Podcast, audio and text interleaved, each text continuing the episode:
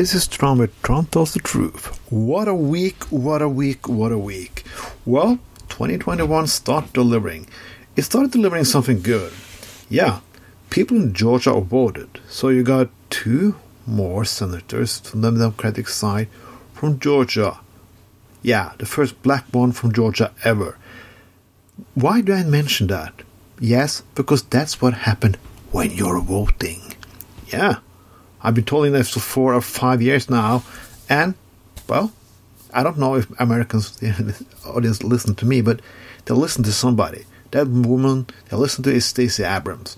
Why don't you give her more power? She can solve everything. Mission on Mars, climate change, yeah. Peace in the Middle East.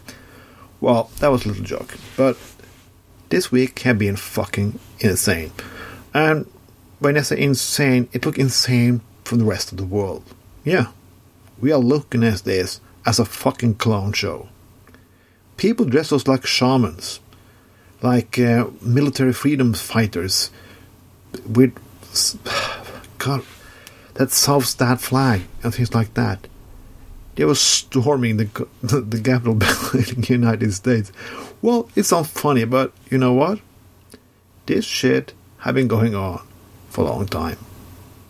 Yeah, and it will be going on for a long time. If you don't stop morons, if you don't take action against the right thing fascism, because they always say like, oh, there are good people on both sides. No, they're not. There are more worse people on one side. In Norway, they also like the hardcore left or Muslims in danger. But every killing in Norway, done by political means for the last 40 years, have been by the right wing. The Nazis have killed again and again. They even took a bomb. This year is the 10th year anniversary of the 22nd of July when they blew up a building in Oslo and killed young innocent people on a summer camp outside Oslo. So the right wing have been more and more extreme. So winning in Washington doesn't help anymore. You have to win everywhere, locally, sheriffs, attorneys, uh, judges, everywhere. It doesn't sound like you can say you're tired of elections and you're tired of this and you're tired of that. Yeah, you know what I'm tired of? People with guns who are not fucking right in their head. People with power who isn't right in their fucking head. We haven't even got through January. I don't know. I have a bottle of vodka lying around here, and I'm gonna drink that on the 20th. Not to celebrate that I love Biden that much, but I just had to calm my nerves to get through that fucking day, or maybe the two, three next days. We are before a pandemic, and we have to deal with this shit on top of it. I have never seen this like this.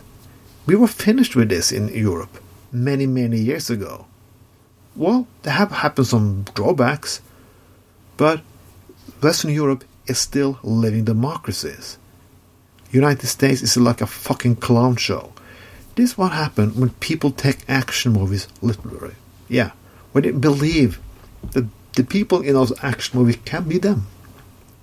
Too many adult morons in the United States believe that. It's different because when I see a Schwarzenegger movie from the 80s, I see it as humor, something I like to eat popcorn and drink beer to. So too many people in the right United States say, hmm, that could be me. I can be that guy who fight against the government. But it's funny when they fight against the government. It's not the government who's screwing them. It's not the government who paying their last. It's not the the government who poison their water, poison their air. No, it's not. That people they are Wall Street, and they don't give a shit.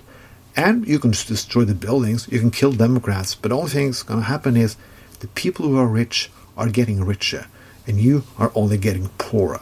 The only thing you have left now is meth and weapons. So, who do you want to fight? The, the powers who are the fucking destroying you? Or make up fantasy monsters created by morons or psychopaths at Fox News and all that other bullshit, Infowars and so on. You have to choose. Because the real enemy is from within. But it's not hiding. They're doing it in plain sight. This was Tron. Tron tells the truth. Have a splendid weekend.